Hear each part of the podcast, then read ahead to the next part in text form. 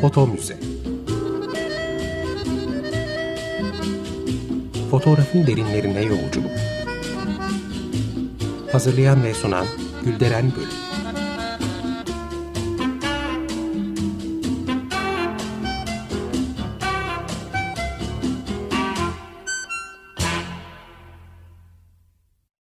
Merhaba değerli dinleyiciler, fotoğraf tarihçiniz ben Gülderen Bölük. Yeni bir foto müzede yine birlikteyiz.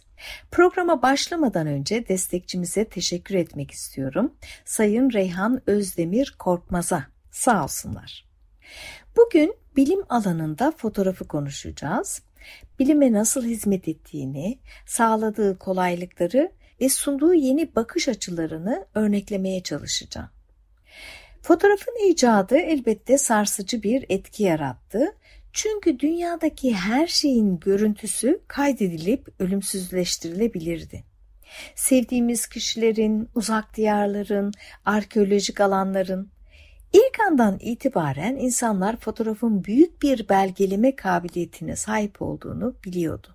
Ama fotoğraf bunlardan çok çok daha fazlasını verdi. Mesela bilime hizmet etmek. Fotoğrafın taşıdığı potansiyel oldukça fazlaydı. İnsanlar da kısa bir sürede kendi alanlarında bu yeni icadın nimetlerinden faydalanmaya başladı.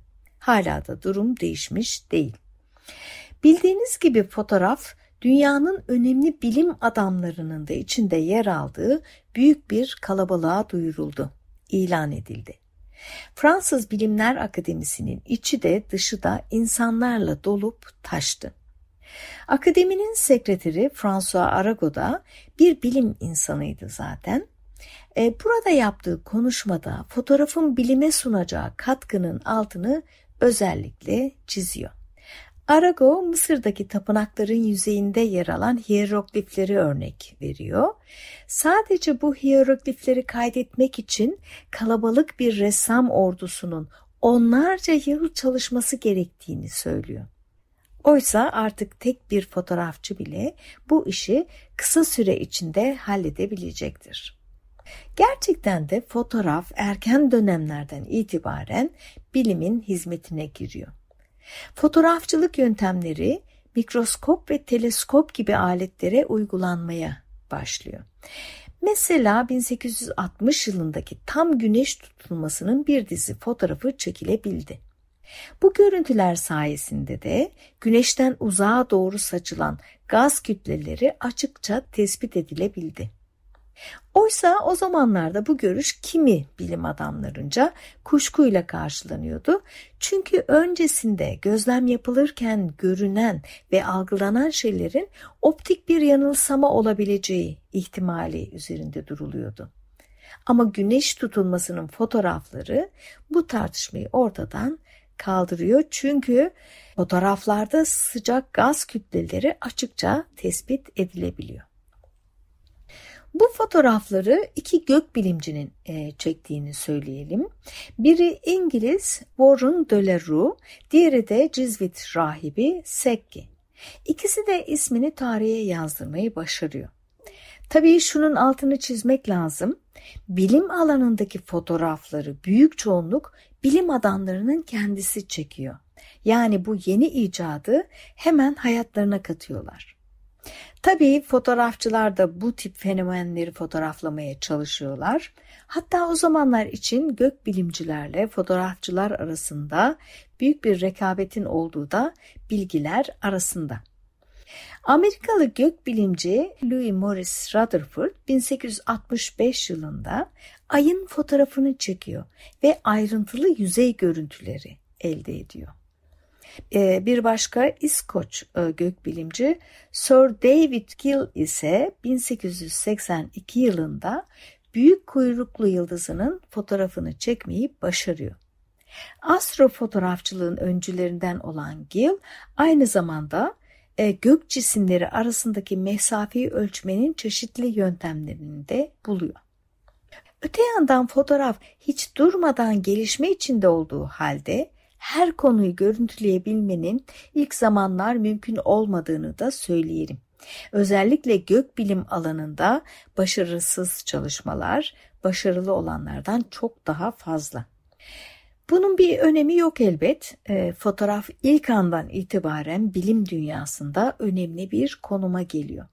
Zaten zamanla da teknik gelişmeler sayesinde hem görüntü kaliteleri artıyor hem de tespit edebilme yetenekleri de artıyor. Gökbilim alanında sayılabilecek yüzlerce örnek var ama e, ben biraz da botanikçi Anna Atkins'ten söz etmek istiyorum. İngiliz Anna Atkins erkek egemen bilim dünyasında bir botanikçi olarak fotoğrafı kullanmış önemli bir kadın figür. Babası da bilim insanı ve onun sayesinde bilim dünyasında önemli bir yer ediniyor. Atkins aynı zamanda bir koleksiyoner. Zaten bir botanikçi olup koleksiyoner olmaması zor o dönemlerde. Bu yaygın bir tutum çünkü. E, herbaryumları var ki bu bitkilerin tohum örneklerini gösteren bu herbaryum sayfalarını 1865'te British Museum'a bağışlıyor. Ena aynı zamanda birçok deniz yosunu yani alg toplamış. Koleksiyonun içinde algler de var. İşte bu yosunları basmak için fotoğraftan yararlanıyor. Ve bunları cyanotype ya da siyanotip tekniği kullanarak fotoğraflıyor ve bunlardan bir kitap oluşturuyor. Ki bu kitap fotoğraf kullanılarak üretilmiş ilk kitap kabul edilmekte. Orijinal ismiyle British Algae Cyanotype Impressions Türkçe olarak söylersek İngiliz yosunu e, Siyanotip İzlenimler adlı bu kitabı 1843 yılında e, üretiyor. Ama fotoğrafla ürettiği çalışmalarına 1853 yılına kadar devam ediyor. Ve tabii bu kitapların da sınırlı sayıda olduğunu söylemeye gerek yok. Atkins arkadaşına yazdığı bir mektupta cyanotype tekniğinin avantajlarından söz ediyor. Bu alglerin çok çok ince olduğunu ve bu sebeple çizmenin de çok zor olduğunu yazıyor. Bu açıdan bakarsak fotoğrafın bilimsel bitki çizimine dahi büyük bir avantaj ve kolaylık sağladığını görürüz. Alklerden sonra eğrelti otlarını da aynı teknikle çekiyor Atkins.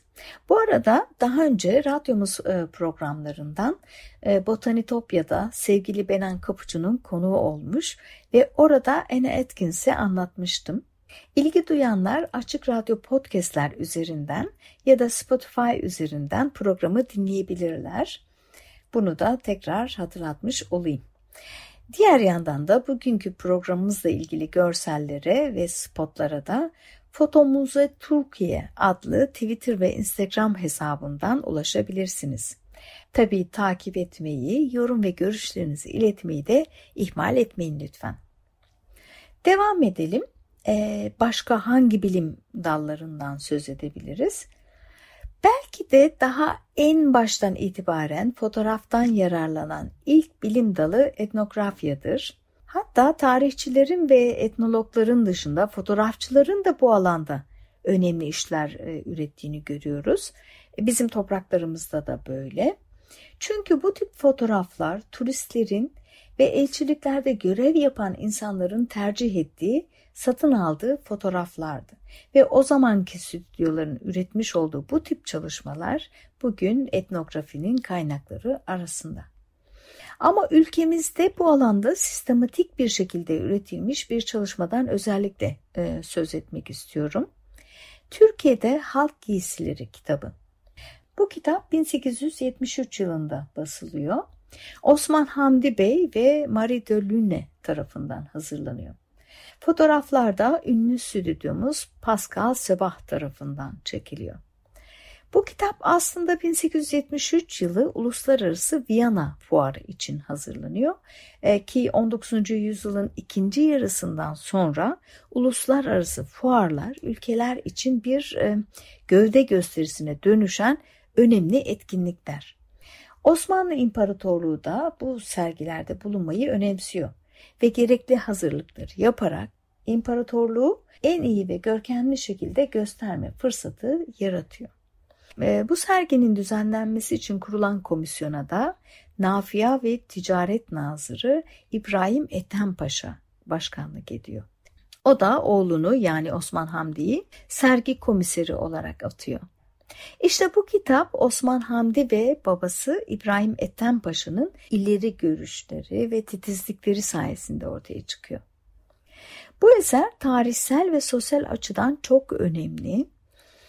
19. Ee, yüzyılın ikinci yarısında Osmanlı İmparatorluğu sınırları içinde yaşayan halkların ayrıntılı bir panoramasını gözler önüne seriyor. O dönemde hala çok geniş sınırlara sahip olan Osmanlı İmparatorluğundaki vilayetlerden seçilmiş her dinden ve her ırktan Osmanlı vatandaşını kendi kıyafetleri içinde gösteriyor. Yani dönemin askeri ve mülki erkanını değil, herkesinden halkı kapsaması bu kitabın kıymetini oluşturmakta.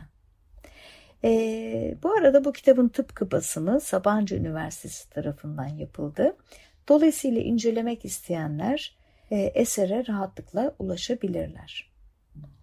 Şimdi biraz da Muybridge, Edward Muybridge'in çalışmalarından söz etmek istiyorum.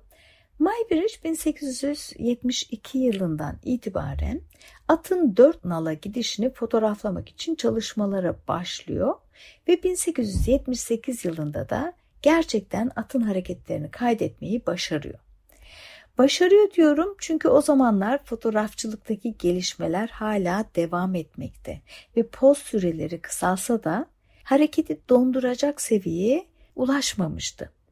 Ama o birden fazla kamera kullanarak atın her bir hareketini tespit etmeyi başarıyor. Bu sonuçlar önemli çünkü o güne kadar gözün yakalayamadığı bir olguyu tespit ediyor Muybridge. Böylece ressamların o zamana kadar koşan atın bacak hareketlerini yanlış çizdiği de ortaya çıkmış oluyor. Bu sonuçlar o dönem için büyük şaşkınlık ve hayranlık yaratıyor. E, basında da yer alan bu görüntüler fotoğrafın bir kerameti sayılıyor ve son derece takdir topluyor. Tam da bu noktada fotoğrafın insanlara yeni bir bakış açısı sunduğunu, dünyayı ve çevremizi başka bir gözle algılamamızı e, sağladığını da söylemek istiyorum. Maybridge bu çalışmalarına devam etmek, deneylerini sürdürmek için bir fon yaratmak zorunda kalıyor. O da kendisini bilim adamı olarak lanse ediyor. Doğrusu bu da işe yarıyor Pensilvanya Üniversitesi'nden gelen bir heyetten onay alıyor ve böylece de çalışmalarına devam ediyor. Ve sadece atın değil birçok hayvanın ve hatta insanların da hareketlerini sistematik olarak kaydediyor. Bu fotoğraflarda çıplak e, insanların top atarken, otururken, koşarken, atlarken an be an fotoğraflarını çekiyor. Evet değerli dinleyiciler konumuza devam edeceğiz ama dilerseniz şimdi küçük bir müzik arası verelim. Jill Barber söylüyor Petit Fleur. Tekrar merhaba. Açık Radyo'da Foto Müze programındayız. Fotoğrafın bilim dünyasındaki yeri üzerine konuşuyorduk. En son Muybridge'den ve onun hareketli görüntülerinden söz ettik. E, şimdi bunun devamında Etienne Jules Mare'nin çalışmalarından söz etmek istiyorum.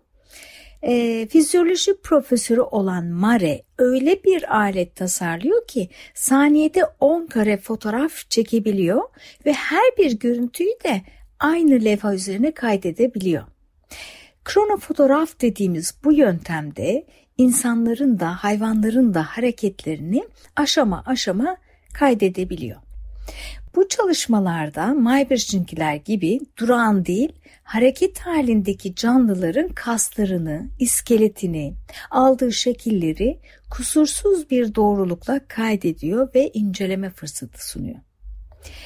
Şimdi biraz da tıp alanındaki ilginç çalışmalara göz atalım. Tıp için üretilmiş ama fotoğraf tarihine de geçmiş bazı çalışmalardan söz edeceğim. Surrey County Akıl Hastanesi'nde çekilmiş kadın hastaların portreleri kayda geçmiş çalışmalardan.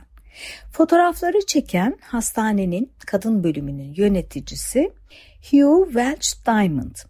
Diamond bölümündeki 55 kadın hastanın fotoğrafını çekiyor. Çünkü bu fotoğrafların hastalığın teşhis ve tedavisinde fayda sağlayacağını düşünüyor. Kendisi aynı zamanda fotoğrafçı, hatta Londra Fotoğraf Derneği'nin kurucu üyelerinden. Ee, dediğim gibi bilim adamları kısa süre içinde yeni icat fotoğrafı yaşamlarına ve çalışmalarına dahil ediyorlar. Hugh Welch Diamond'ın dernek üyesi olduğunu söyledik. E, o dönemde kurulan fotoğraf dernekleri çok büyük çoğunluk fotoğrafçılığın bir sanat olduğunu ileri süren amatörlerden meydana gelmekteydi. Dolayısıyla Diamond'ın fotoğraflarına bugün son derece kuşkuyla bakılmakta. Hatta melankolinin deliliğe dönüştüğü an adını verdiği bir çalışması bugün pek bir biliniyor ve eleştiriliyor. Hatta bir makalesine dayanak yaptığı bu fotoğrafta yer alan kadının çatık kaşlarının melankoliden değil güneşin parlaklığından ileri geldiği yazılmakta. E, zaten diğer fotoğraflarında da kendisinin bazı bir takım sanatsal düzenlemeler yaptığı anlaşılıyor. Yine de onun fotoğraflarının kullanım hakkı Londra Üniversitesi tıp profesörlerinden John Connelly'e geçiyor. O da bu fotoğrafları yüzlerden akıl hastalığını okumak makalesinde kullanıyor. Daha doğrusu bu fotoğraflardan elde edilmiş taş baskıları. Bir örnekte Fransa'dan vereyim. Paris Salpêtrière Hastanesi'nde görev yapan doktor Guillaume Benjamin Emant Duchenne hastalarını fotoğraflayan doktorlardan bir diğeri. Onun da e, çalışmaları pek bir bilindik. Elektroşok tedavisinin mucitlerinden olan düşen hastalarının yüz kaslarına elektrik akımı veriyor ki epilepsi hastalarına, akıl hastalarına ve nörolojik rahatsızlığı olan hastalarına e, bu tedaviyi uyguluyor. Doktor Düşen insanlarda duyguların ifade edilme biçimlerini tasnif etmek amacıyla yüz kaslarına elektrik akımı vererek onları fotoğraflamaya başlıyor. Onun bu fotoğrafları insan yüzlerinden duygu okumanın mekaniği adlı makalesine de eşlik ediyor. Hatta e, Charles Darwin de onun fotoğraflarından yararlananlar arasında. Çünkü o da İnsan ve Hayvanlarda Duyguların İfadesi adlı kitabında bu fotoğraflardan bazılarını kullanıyor. Bizde de tıp alanında belli ölçülerde fotoğraftan yararlanıldığını söyleyebiliriz. Az önce anlattıklarım kadar sistemli yaklaşımlar olmasa da en azından hastalıkların tespiti, uygulamaların öncesi ve sonrası gibi fotoğraflar karşımıza çıkıyor. Bunlara en iyi örnek e, Nicolas Andromenos'un çalışmalarını e, gösterebiliriz. Beyazıt ve Beyoğlu'ndaki stüdyolarında ürettiği çalışmalarla fotoğraf tarihimizde önemli bir yer edinmiş kişi e, Andromeno. Kendisiyle ilgili e, Doktor Adem Köşlü'nün ve Ünsal Ünlü'nün hazırlamış olduğu harika bir kitap var. E, hastalarla ilgili hazırlamış olduğu albümden bu kitapta detaylı bir şekilde bahsediliyor. Kırmızı kaplı altın varak Abdülhamit Turası'nın yer aldığı bu albümde 8 fotoğraf var. Altısı hasta kadınların fotoğrafları ki e, suratları kısmen kapalı olan bu kadınların ameliyat bölgeleri gözükmekte. Ve fotoğrafların çoğunda ameliyatta çıkarılmış olan urlar da kavanozun içine yerleştirilmiş olarak hastanın yanında duruyor. Her bir fotoğrafta hastayla ilgili kısa bir bilgi de not edilmiş. İşte ismi, nerede oturduğu, e, işte ameliyat için kaç santimlik bir yarık açıldığı ve urla ilgili bazı bilgiler. Bunun dışında Andromenos'un çektiği başka hasta fotoğrafları da günümüze ulaşmış durumda.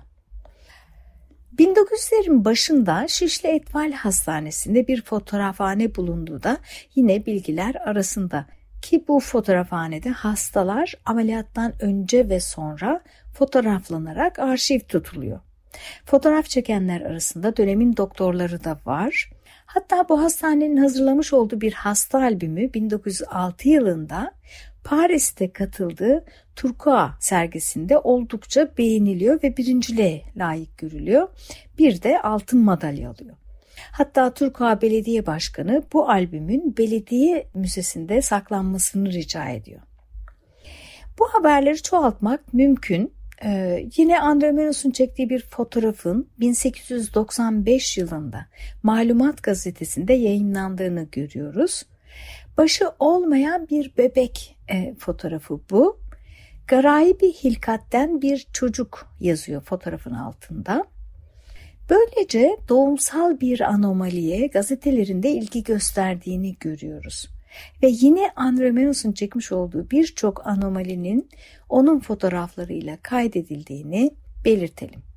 Andromenos dışında yine Febüs fotoğrafhanesinin kurucusu Bogos Tarkulyan'ın 2. Abdülhamit e, koleksiyonunda yer alan bazı çalışmaları da dikkat çekiyor. E, çiçek hastalığına yakalanmış bir buzağıyı ameliyat öncesi ve ameliyat sonrası fotoğraflamış. Bir başka karede de ameliyat bölgesi detaylı bir şekilde görülüyor. Kullanılan aletler de bu çalışma kapsamında belgelenmiş. Tabii tıp alanındaki bu örnekleri çoğaltabiliriz. Ama ben daha fazla uzatmadan son olarak antropolog Alphonse Bertillon'un çalışmalarına değinmek istiyorum. Kendisi antropoloji okuyorsa da babasının uzmanlık alanı olan antropometriye ilgi duyuyor o da. E, antropometri insan ve ölçüm anlamına gelen Yunanca kelimelerden türetilmiş bir isim. E, pek çok alanda kullanılmak üzere insan vücudu parçalarının ölçüm verilerini analiz eden bir bilim.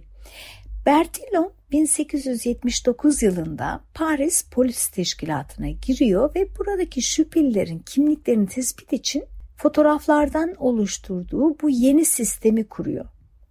Bu antropometrik sistemde tüm suçluların fiziksel kayıtlarını tutuyor. Özellikle suçluları yandan gösteren fotoğraflar onların yüz hatlarını oldukça belirleyici bir şekilde ortaya koyuyordu Bertillon'a göre. Özellikle burun, göz, dudak, alın ve kulaklar çok çok önemliydi. Ama sadece fotoğraflar yok e, onun sisteminde. Aynı zamanda her fotoğrafın altında o kişiyle ilgili başka bilgiler de kaydediyor. Mesela kafatası ölçüleri de var. Yanı sıra göz ve saç rengi de bu fotoğrafların altına kaydediliyor. Yüz hatların tespit için sadece fotoğraf yeterli sayılmıyor öte yandan. Mesela sadece bir burnu tanımlamak için 15 farklı kategori oluşturuyor Bertillon. Yandan görünüşü ise şekilsel olarak iç bükey, doğrusal ve dış bükey olarak tanımlanıyor ama burun delikleri arasındaki mesafe, taban, uç, kök, yükseklik, genişlik gibi daha birçok detayı bu fotoğrafların altına kaydediyor. Bertillon'un geliştirdiği bu sistem 1890'larda parmak izinin bulunuşuna kadar kullanılıyor. Çünkü parmak izi Bertillonaj olarak adlandırılan sisteme göre çok daha kesin sonuçlar vermekteydi.